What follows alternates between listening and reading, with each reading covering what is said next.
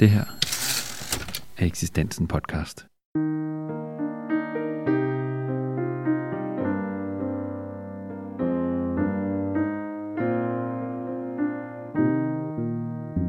Vil du høre en god historie, så bliv hængende her.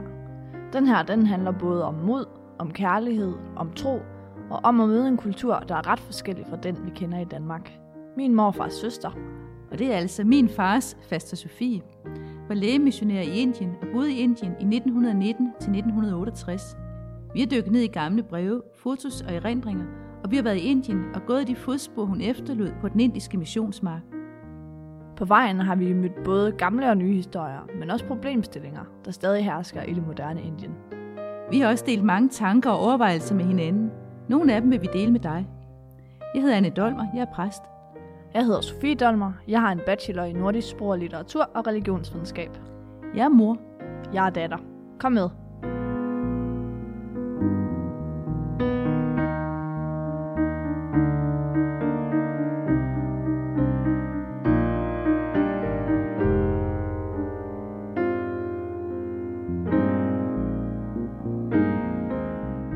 Det der med missionærer, er det ikke bare vestlig imperialisme, eller hvad?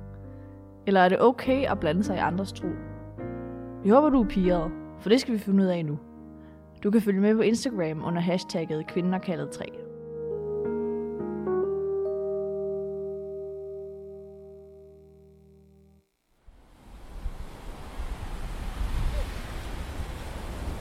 Hvad laver vi her? Ja, vi står her med udsigt ud til den bengalske bugt. Ja. Men det er et historisk sted på flere måder. Øh, for det første så vi ved Trankebar.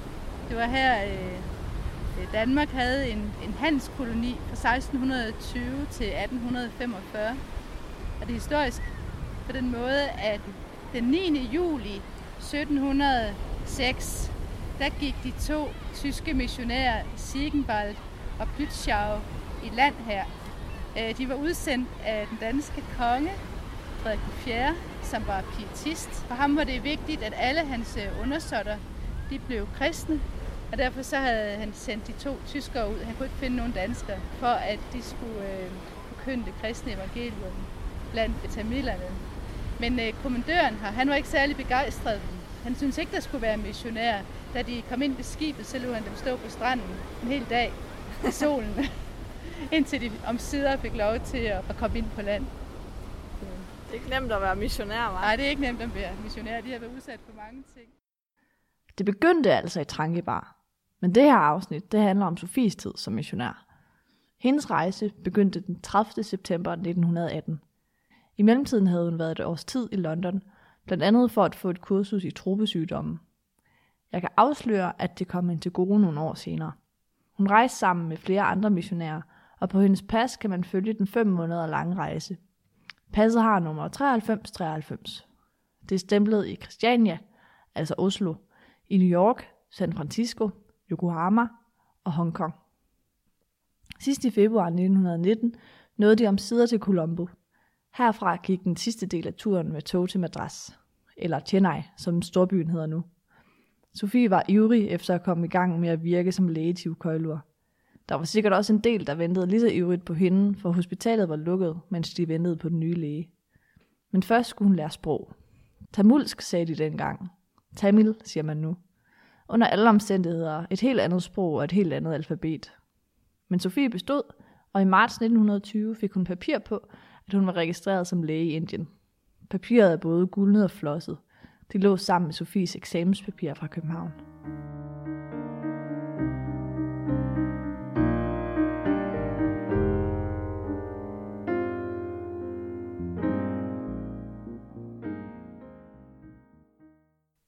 Sofie var ikke den eneste, der havde hørt kaldet til mission. Allerede i 1821 havde præsten Bonefald Grønne stiftet det danske missionsselskab med det formål at virke til kristendommens udbredelse blandt vilde og barbariske folkeslægter. Ja, det stod der virkelig. Ordene fra en tid, vækkelsernes tid og kolonialiseringens tid, hvor bevægelsen gik helt entydigt fra os til dem, fra Vesten til resten, både kulturelt og religiøst. Vi har civilisation, det har de ikke. Vi kender frelsen, det gør de ikke. Men selvom missionærerne drog ud for at frelse de fortabte, hedninger som de blev kaldt, så blev de overvældet af en helt anden slags fortabthed. Fattigdom, sygdom, uvidenhed. Så de smadrede ærmerne op og tog fat på at løse dette livs problemer på missionsmarken, som de kaldte det, samtidig med at de forkyndte den nye tro. I de sidste årtier af 1800-tallet og de første årtier af 1900-tallet sendte DMS et stort antal missionærer til Indien. Lærere, sygeplejersker, læger, præster og andre, der havde oplevet et kald. På et foto fra 1922, hvor missionærerne var samlet i Kottalor, kan man se Sofie, der sidder midt i en gruppe på 36 danskere. På hver enkelt missionsstation var der typisk en missionærbungalow, hvor de danske missionærer boede, måske sammen med deres familie, og en kirke og en skole, eller i Sofies tilfælde et hospital. Missionsstationerne fik navne som Betania, Siloam, Karmel, Libanon, Saron, velkendte navne fra Bibelen. Fra 1864 blev de lagt i byer som Melpatambakam, Tiukoilur og Tiruvannamalai i Argot-området syd for Chennai. Vi tog en Otto, en af de små gule scootertaxier, hen til hospitalet, Danish Mission Hospital.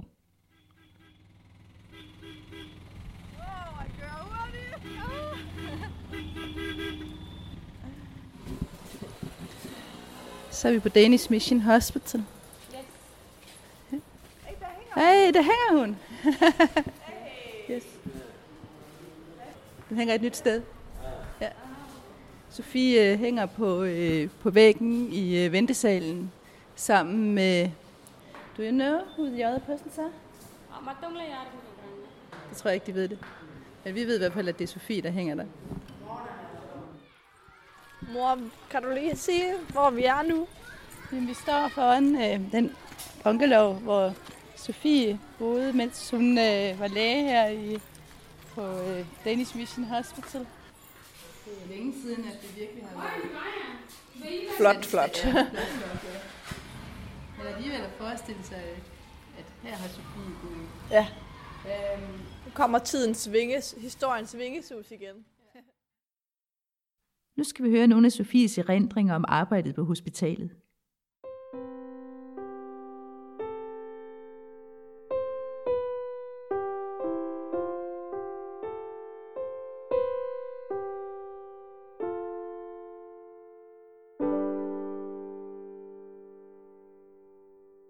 Så blev sproglæsningen overstået, og et nyt afsnit begyndte. Hospitalet i Tirukoilur havde midlertidigt været lukket. Det var en dag set hen til med forventning og længsel af mange, både indere og danskere, både syge og sunde, da vi kunne genåbne hospitalet 1. juli 1921. Og det varede ikke længe, før vi havde fuldt arbejde og fuldt hus. Og længe varede det der heller ikke, før vi måtte begynde at tænke på at få mere plads. I det hele taget kan det siges, at byggeri med udvidelse af hospitalet prægede årene 1921-28. I 1923 forærede venner på Ærø en bil til hospitalet. Den første på den danske missionsmark. Den gjorde det muligt at foretage sygebesøg i distriktet. 1921-28 var en periode med vækst og mange glæder i arbejdet. Skuffelser var der også. Anstrengende var det mange gange, men der er næppe nogen anden plads på missionsmarken med så mange muligheder til at komme i nær forbindelse med mennesker. Hvordan de blev brugt, ved kun Gud. Mange blev ikke brugt, som de skulle. Gud alene æren for, hvad der lykkedes. Sofie fik altså travlt på sit hospital, men i sine erindringer glemte hun ikke de mennesker, det hele handlede om. Når tankerne går tilbage gennem årene, er der så mange mennesker, der kommer fra den tid. Der er Mania Karan, sovnefuglen, som fik begge hænder gennemskudt ved et vådeskud. Han kom en julemorgen, som jeg netop stod og skulle i kirke. Han var hos os i flere måneder, og vi fik mange samtaler med ham. Det gjorde stærkt indtryk på ham at høre om Jesus, som fik begge hænder gennembrudet, ikke ved egen uforsigtighed, men for vores skyld. Der var konen, som sagde, fortæl de andre patienter om Jesus. Mig behøver I ikke at tale til. Hvad lægen har gjort for mig, har overbevist mig om, at jeres Gud er den sande Gud. Der var manden med hovedet, som fik det halve af skalpen flænge lys ved et fald fra oksevognen. Enten til eller fra sin datters bryllup. Og som før han rejste hjem fra hospitalet, kom over til os i bunkerloven og bad os bede sammen med ham, for han ville være kristen.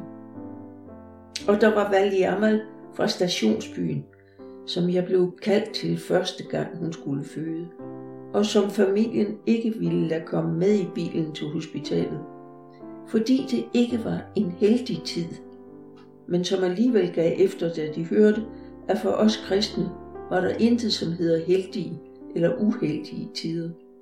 Vore tider er i Guds hånd.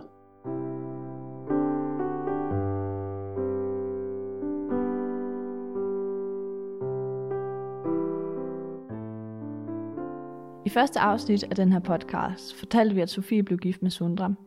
De kom til at bo uden for Calcutta i 17 år, men sidst i 40'erne vendte de tilbage til Sydindien. Sofie vendte også tilbage til hospitalet og arbejdede som læge i lange perioder, indtil hun var midt i 70'erne.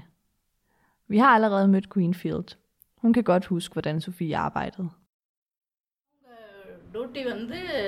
Uh, Tirukoilur Danish mission ஹாஸ்பிட்டலில் ஒர்க் பண்ணாங்க Hun var en dygtig administrator, så hospitalet blomstrede. Der kom mange patienter og blev helbredt, og de modtog Jesus som deres personlige frelser. Og inde i dem selv, så omvendte de sig og blev kristne, selvom de ikke blev døbt. Jeg så som lille pige, at når Sofie skulle på arbejde, så var hun i fuld uniform. Hun tog alt hjemmetøjet af og havde lægeuniform på med lange ærmer, kappe og navneskilt, og kun sådan gik hun ud af huset. Hun gik aldrig ud uden lægeuniformen. Hun var bevidst om sin pligt. Når hun var på arbejde, så skulle hun gå sådan klædt. Hun kunne ikke bare gå afslappet klædt, for de boede på den samme campus. Hus og hospital var samme sted. Hun så aldrig på klokken. Når hun var på arbejde, så blev hun bare ved, indtil hun var færdig. Først da ville hun gå. அந்த கேப் போட்டு நல்ல ட்ரிம்மாக போவாங்க எக்காரணத்தை கொண்டுட்டு ஹாஸ்பிட்டல்லேருந்து வீட்டுக்கு வரமாட்டாங்க அந்த டியூட்டி முடிஞ்சு தான் அவங்க வீட்டுக்கு வருவாங்க எங்களுக்கு அந்த இடத்த விட்டு நாங்கள் வெளியில் Men hvad med Sofie? Hvordan så hun mon selv på balancen mellem det at være læge og ansvarlig for et hospital, og så det at være missionær?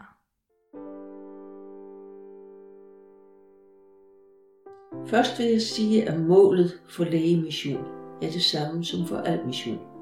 At vise mennesker hen til den eneste sande Gud, så de tager imod frelsen i Jesus Kristus. Lad os da se lidt på nogle af de opgaver, der særligt ligger for i lægemissionsarbejdet. Man kan vel have lov at sige, at lægemissionsarbejdet er en anskuelsesundervisning i praktisk kristendom. I hvert fald tror jeg, vort læge- og sygeplejearbejdet er forfejlet kristeligt set. Hvis ikke det bliver resultatet i nogen måde. Vor opgave gennem lægemissionen er netop at fremhæve Kristus gennem vort forsøg på at hjælpe mennesker, som er i lægemlig nød. Men lægemissionen har også andre opgaver. Vi kan være med til at fjerne meget uvilje og modstand. Og er der nogen bedre vej til at bryde modstand, end ved at vise kærlighed? Det gælder i det enkelte menneskes liv, og det gælder i arbejdet for Guds rige. Vi kan være med til at fjerne mistro og frygt, og i stedet skabe tillid. Vi kan i Indien på mange måder gennem hospitals- og lægearbejde være med til at fjerne kastefordomme. Patienterne går ind under hospitalets regler. Der ligger ofte kastefolk og pariaer på samme stue. Vi prøver så vidt muligt ikke at gøre nogen forskel. De behandles efter tur og får samme medicin.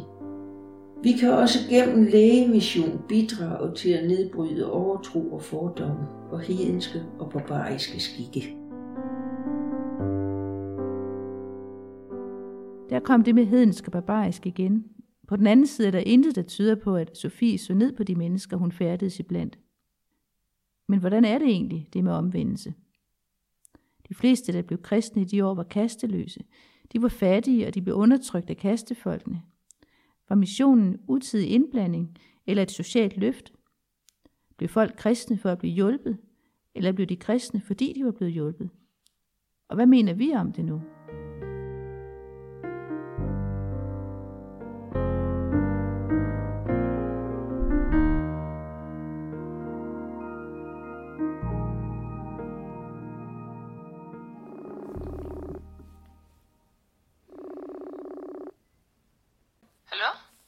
Hej.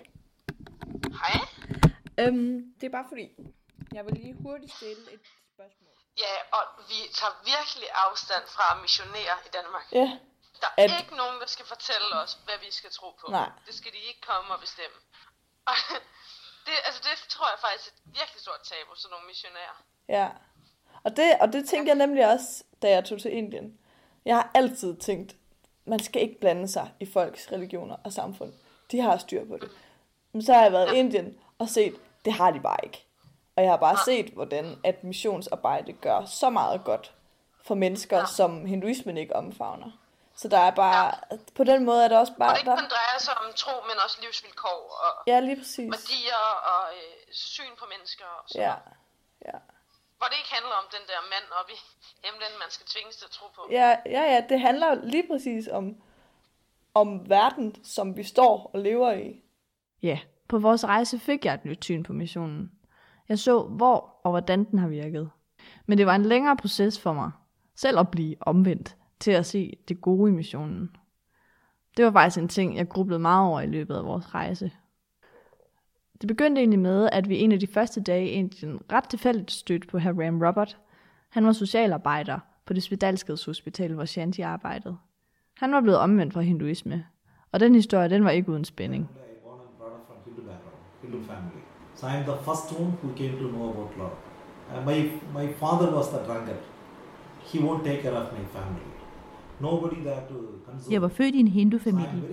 Jeg var den første, der lærte noget om kærlighed. Min far var dranker. Han tog sig ikke af familien. Der var ingen til at rådgive mig. Jeg var meget ung. Bare 17-18 år gammel. Jeg var meget bekymret for mit liv. Hvordan jeg skulle klare mig i fremtiden. Vi havde mange problemer. Så jeg besluttede mig for at begå selvmord. Men på vejen væk hjemmefra mødte jeg præsten. Han havde før prøvet at dele evangeliet med mig, men jeg havde sagt, at kristendom er ikke for hende. Han spurgte, hvorfor jeg var ked af det, og jeg sagde, at jeg havde det fint. Men han sagde, prøv at komme med hen i kirken.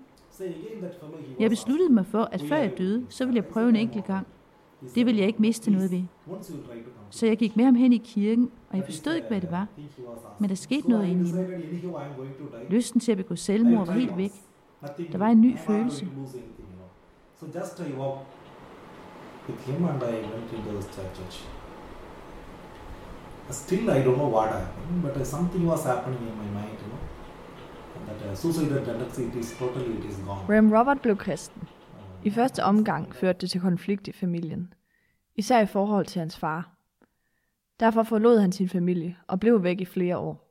Men nu, mange år senere, er hele familien faktisk blevet kristen. It is not my duty actually. My duty is to share the love of God, not only by the word, by Jeg tvinger aldrig nogen til at tage imod Kristus. Det er ikke det, der er min opgave.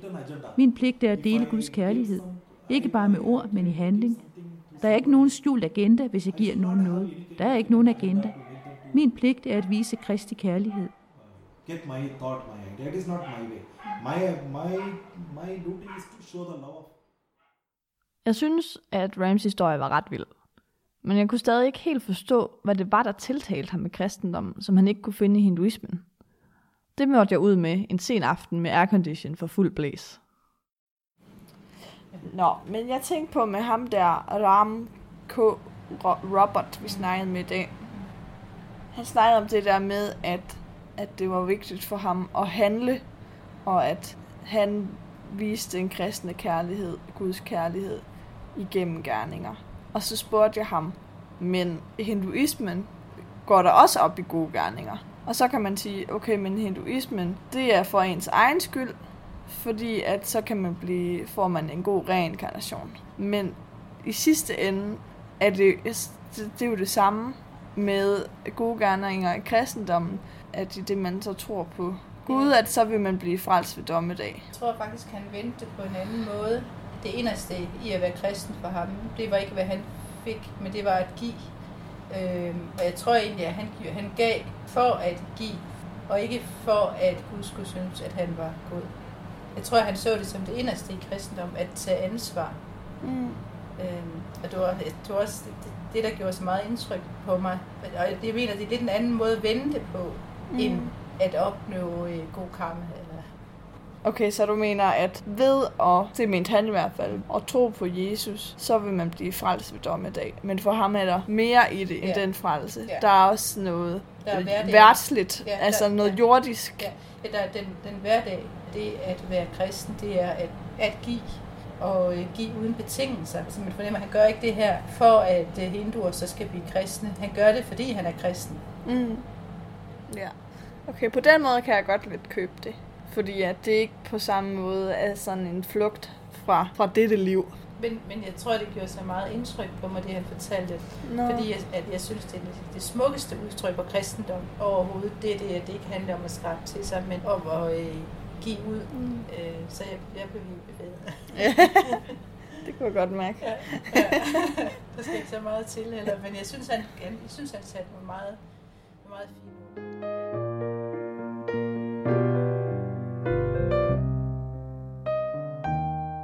I dagene hos Shantis familie var mit hoved fortsat fyldt med spørgsmål.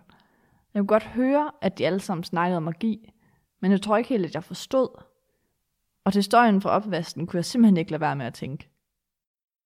Hvorfor skulle jeg som et menneske opvokset i, i Indien vælge kristendommen, hvis jeg nu for eksempel er altså er en middelklasse? Mm. Hvad giver det mig? Og, og det er nemlig det, at, at jeg også har gået og tænkt, jamen, jeg er vokset op på en præstegård, Mm. og i det danske kristne samfund. Så det, det, der tror jeg bare, at jeg tænker, og det er derfor, at jeg er kristen. Mm. Det er jo også enormt ureflekteret, og det er ligesom det, som jeg prøver ligesom at stikke lidt til nu. Ja, ja, ja. Men efterhånden, som vi kom videre på vores rejse, og efterhånden, som vi talte med flere mennesker, og vi så, hvordan de gjorde tro til handling, så begyndte jeg faktisk at forstå hele det der med at give. Vi har allerede omtalt Sundar og hans projekt for armende møder. Han er også en af de indiske fædre. Han tog os med rundt til Sofies indiske familiemedlemmer og var med, da vi den sidste weekend tog Nilgiri-bjergene i Faster Sofies fodspor. I bilen, mens Siva, vores chauffør, som i øvrigt var hindu, førte os sikkert gennem trafikken, der var der god tid til at snakke. Og her fortalte Sundar os om sin baggrund og om sin motivation for at arbejde for kirken det meste af sit liv. When I øh, eh, was two years old, my father died. Da jeg var to år gammel, døde min far, og min mor vidste ikke, hvad hun skulle gøre med alle sine fem børn. Men så var vi meget heldige, fordi der var en organisation, som hed Danish Mission Lebanon, hjem for udsatte kvinder i Tiruvannamalai. Så tog vi derhen med min mor og fik alting. Uddannelse, husly, mad. Alting blev der sørget for af de danske missionærer. Including uh, the studies, uh, shelter. Så de gav mig en uddannelse. Jeg fik job og alting. Så fordi nogen viste mig Kristi kærlighed, så tænkte jeg, at jeg også skal gøre det for andre. Det er den motiverende faktor, som fik mig til at arbejde for skoleprojektet. Og selvom jeg er pensioneret nu, så har jeg ikke lyst til at stoppe. Det ligger i mine gener. At undervise er min passion. Jeg har virkelig lyst til at gå de ekstra mil. So now, though I am retired, I don't want to give up that that uh, this thing uh, because this is uh, this is uh, in my gene. So Sundar er uddannet lærer. Gennem 30 år var han leder af kirkens skoleprojekt, som begyndte med en renovering af ca. 100 skoler og fortsatte med arbejde med pædagogik og med børnerettigheder.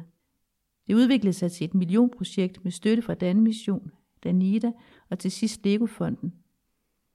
I dag er Sundar pensioneret, men kaldet til at gøre noget er der stadig, så han har startet sine egne små projekter i nogle landsbyer.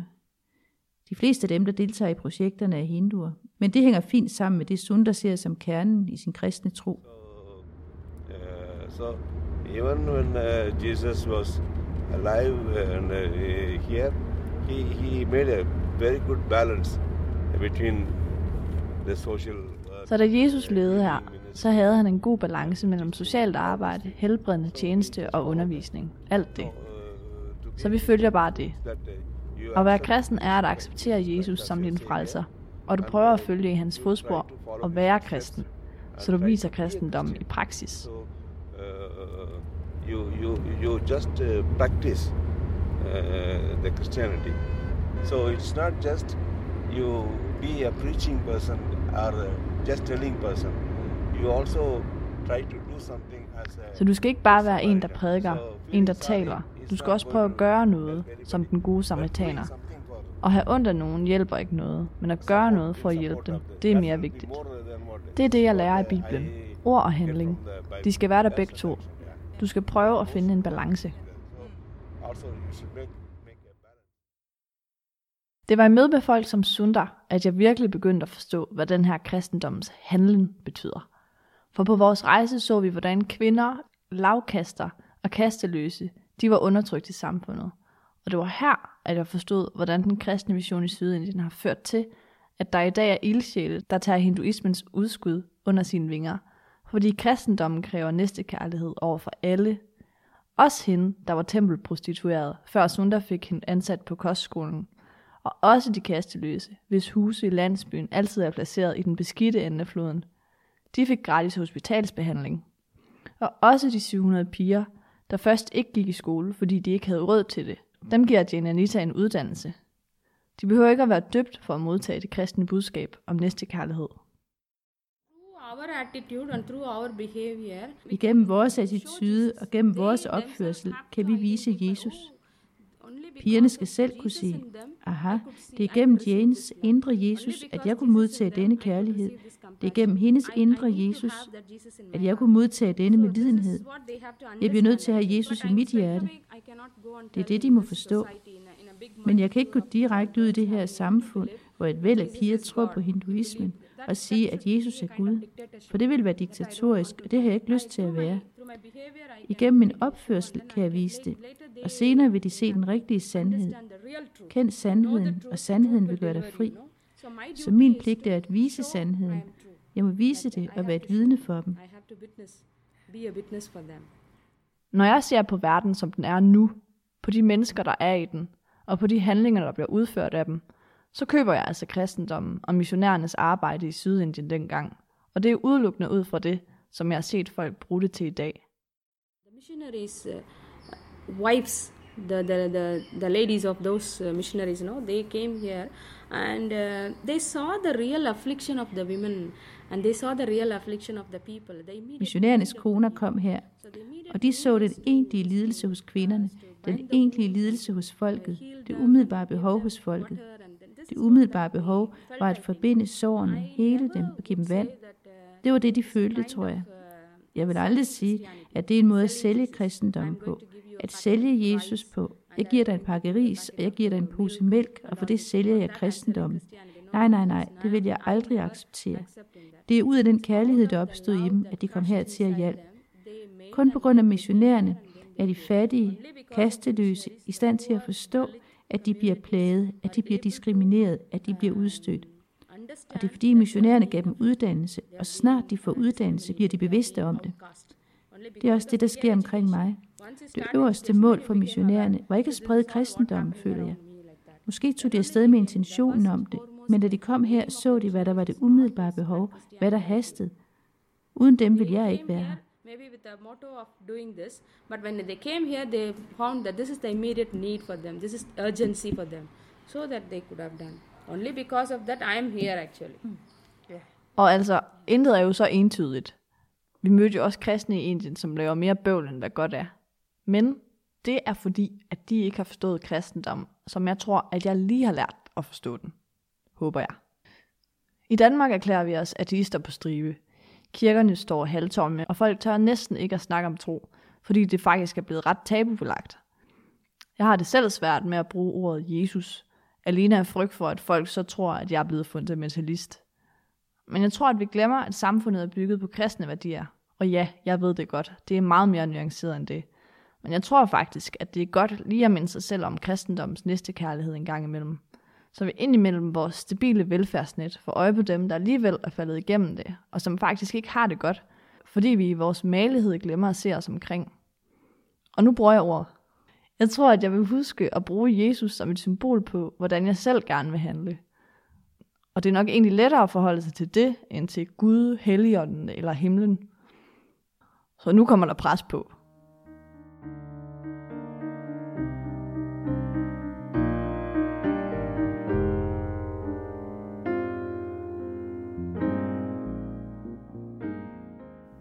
Helt ærligt, så synes jeg faktisk, at det er ret grænseoverskridende at omtale min form for kristendom. Især når jeg ikke aner, hvem du er. Og det er lige præcis det, der er problemet. Jeg råber generelt ikke højt om, at jeg er kristen. Men så er det jo netop, at det kun er yderfløjene, der sætter sig på definitionsretten.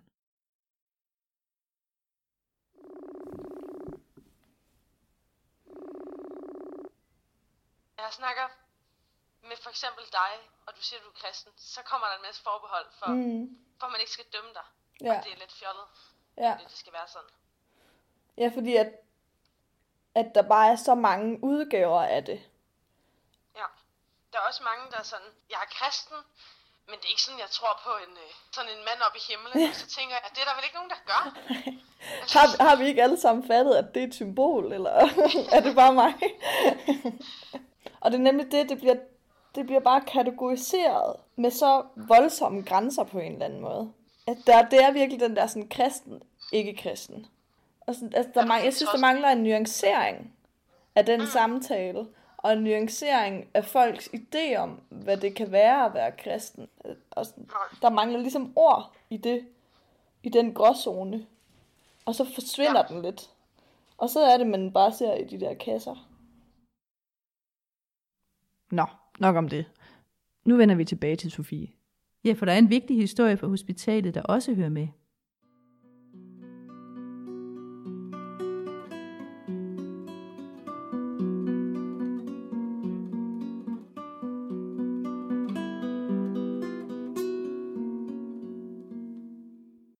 Og jeg glæder mig til at fortælle den. Det er kærlighedshistorien om Sofie og Sundram. Sofie får selv ordet først. Nu må jeg omtale begivenheder i de år, som kom til at betyde så meget for mig hele min fremtid. I 1924 kom Sandrum Matthews, søn af pastor Matthäus Patambakam, som patient til Tirukoilo Hospital. Han var ingeniør og havde fået sin uddannelse på sukkerfabrikken i Nelly Kupang. Senere var han formand for et stort værksted, Madras Engineering Works i Madras. Han ville have haft videre uddannelse i England, men et par engelske ingeniører fik ham til at tage med op til Assam for at opsætte maskiner i tefabrikker der. Her blev han syg med konstant høj feber. På et hospital i Calcutta mente de, at Sundram havde tyfus, men da han kom til Teokoilur, stillede Sofie den rigtige diagnose. Sort feber. Det var her kurset i truppemedicin virkelig viste sig nyttigt. Så det begyndte faktisk med, at hun reddede hans liv. Han kom sig, men hans nervesystem var meget medtaget, skrev Sofie. Sundram havde fået en depression oven i sin sygdom. Men midt i det, der skulle udvikle sig til en kærlighedshistorie, blev Sofie også syg. Hun var et helt år i Danmark. Hun havde glemt at vaske fingre, efter at have behandlet en baby, der var født med syfilis, og havde kløet sig et myggestik, og så var hun selv blevet smittet, og skulle helt til Danmark for at blive behandlet. Da Sofie kom tilbage, var Sundram stadig på hospitalet. Han var sådan set helbredt, men han havde fået forskellige opgaver, så han kunne komme lidt i gang igen. Det kan man så undre sig over, men måske var det fordi han var søn af en af de få indiske præster. Hvem ved? I hvert fald modtog den indiske læge Sofie med ordene. Og her er så Mr. Sundram. Nu giver jeg ham i deres hænder, så må de se at få en mand ud af ham. Og Sofie skrev, det gjorde et vist indtryk på mig, og jeg følte det som en opgave. Og jeg er faktisk sikker på, at Sofie mente det her helt bogstaveligt. Der er ikke meget amerikansk romantisk komedie over det. Men midt i det hele opdagede Sofie en knude i brystet. Ved en stor operation fik hun hele brystet fjernet. Hun blev rask. Glem ikke, at hun blev næsten 102 år gammel. Men resten af livet gik hun med lange ærmer for at skjule, at hendes venstre arm og hånd var hævet. Der er ikke noget at sige til, at Sofie trængte til en ekstra ferie. Det gjorde Sundre mig også. Og selvom Sofie ikke skriver det direkte, så forestiller jeg mig alligevel, at det var to lettere ramponerede mennesker, der fandt hinanden her. Men Sofie må hellere fortælle selv, selvom hun altså er mere alvorlig og gudfrygtig end romantisk. I eftersommeren 1926 trængte jeg til en ekstra ferie på Kotagiri, og det blev ordnet sådan, at Sondrum kom derop også og kunne bo hos dem. Han skulle så komme hver dag over til Hoffmanns gave, og jeg boede og læste tamulsk med mig. Det blev dog mere til samtaler end til tamulsk. Og lidt efter lidt klaredes det for Sondrum, så han fik fred i sindet og igen fik tro på Gud og på fremtiden. Men der udvikledes et venskab mellem os, og vi skrev til hinanden efter han var rejst tilbage. Men en dag gik det op for mig, at det var blevet til mere end venskab fra min side. At det var blevet til kærlighed. Så var vi sammen på hospitalet om efteråret og vinteren, ja, det følgende år, uden at der skete noget. Dog mente jeg at vide, at han havde de samme følelser for mig, som jeg for ham. Men det blev efterhånden vanskeligt at være på hospitalet uden en afgørelse. Jeg havde betroet mig til søster Inger, og hun forlangte i foråret 1928, at jeg måtte tage en afgørelse. Jeg sagde, at det måtte vi jo være to om. Jeg følte noget lignende som med mine sygdomme. Dette er noget, som Gud sender som en prøvelse, hvor igennem han vil give en velsignelse, om det tages på den rette måde. Men bortset fra, at jeg troede, at Sandrum aldrig ville få mod til at foreslå ægteskab, vidste jeg, at der var så mange problemer at tage i betragtning. Familien på begge sider. Forskellige miljø i livet. Forskelligt arbejde. Eventuelle børn osv.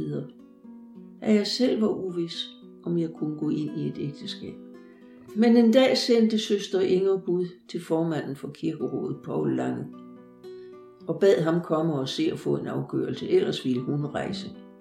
Lange kom og talte med både Sandrum og mig om det, og resultatet blev, at Sandrum og jeg blev forlovet et par måneder efter, den 1. april 1928. Jeg var overbevist om, at det var fra Gud. Jeg havde bedt alvorligt om, at Gud ville hindre det, hvis det ikke var efter hans vilje. Sofies far og hendes søster Marie var ikke glade. De mente, at hun havde svigtet sit kald og opfordrede hende til at se tiden an. Men Sundrams familie kendte allerede Sofie, og de tog hende til sig som deres egen. Sundrams storebror, præsten Bushnam, skrev til Sofies far nogle måneder efter forlovelsen. Mine kære venner, som er givet mig i Kristus. Herren har gjort et under i vort familie. Herren har givet deres datter til min yngre bror. Han gav hende til vor familie, til min bror, for vort land og for hans tjeneste. Hans navn vil jeg prise. Deres datter er en god kvinde. Hun forstår og skøn, hvad der er Guds vilje. Hun elsker os. Jeg takker dem og deres børn, at de med glæde har givet deres billigelse til bryllup. Jeg tager mod til at skrive, fordi de alle er Guds børn. Vi vil elske deres datter, eftersom Herren giver os styrke til det. Jeg sender dem min hilsen i kærlighed. Herren vil velsigne dem, fordi de gav deres kære barn. Herren gav vor familie en levende skat. Lovet være hans navn. Modtag i kærlighed min hilsen i Jesus Kristus. Bushnam, som ønsker deres kærlighed. Brylluppet blev fejret på Sofies 45 års fødselsdag den 25. april 1929. Det foregik i Melpattenbakkam, hvor Sofies svigerfar havde været præst. Det var et helt igennem indisk bryllup med ris og karry og masser af gæster. Jeg kan huske, da jeg var barn, der synes jeg, det var ret eksotisk med faster Sofie, der havde boet så mange år i Indien og været gift med en indisk mand. Jeg har samtidig tænkt på, hvordan de egentlig havde det.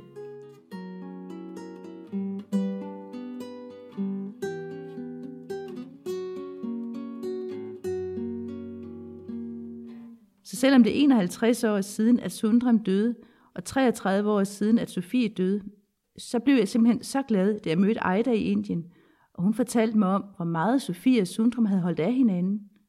Hun fortalte også, hvorfor Sofie var faldet for Sundram.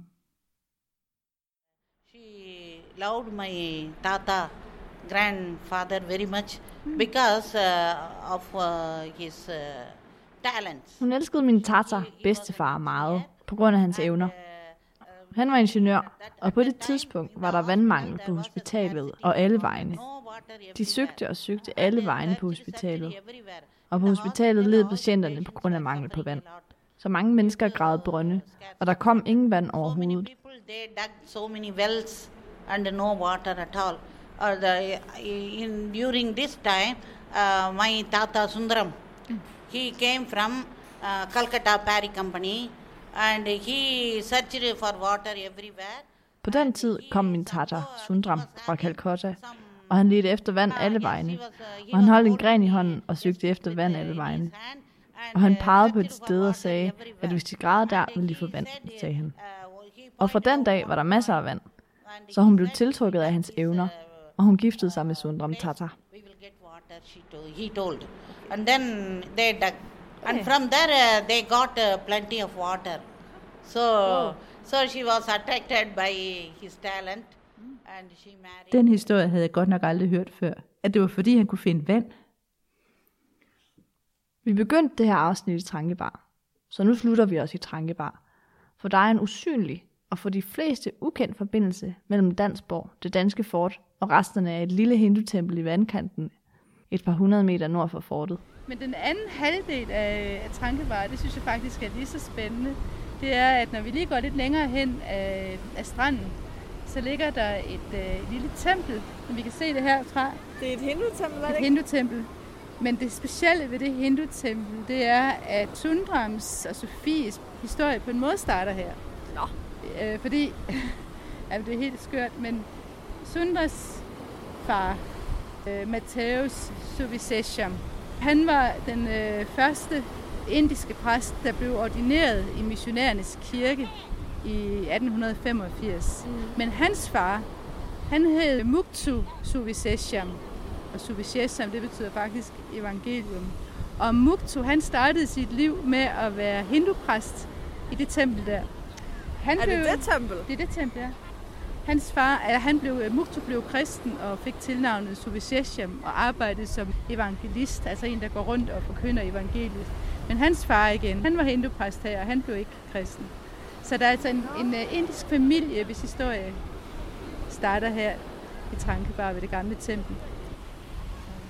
Nå, men det var her, det startede, så. Så her det startede. Det startede i Trankebar. Jeg skal hen og se på det tempel. Ja. Sted med os. Og det er jo ikke bare en eller anden indisk familie. Det er jo vores indiske familie, hvis historie ligger lige der, 200 meter fra det danske fort.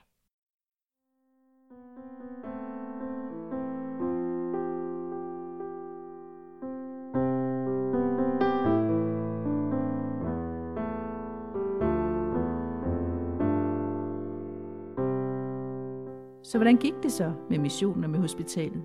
Det skal vi høre mere om i næste afsnit. Det handler også om Gandhi og om politik i Indien lige nu, her i et valgår.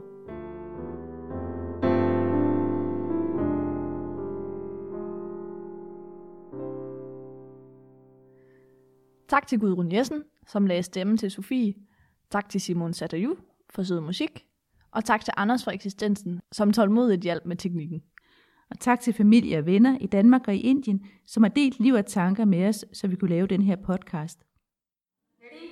Ready, one,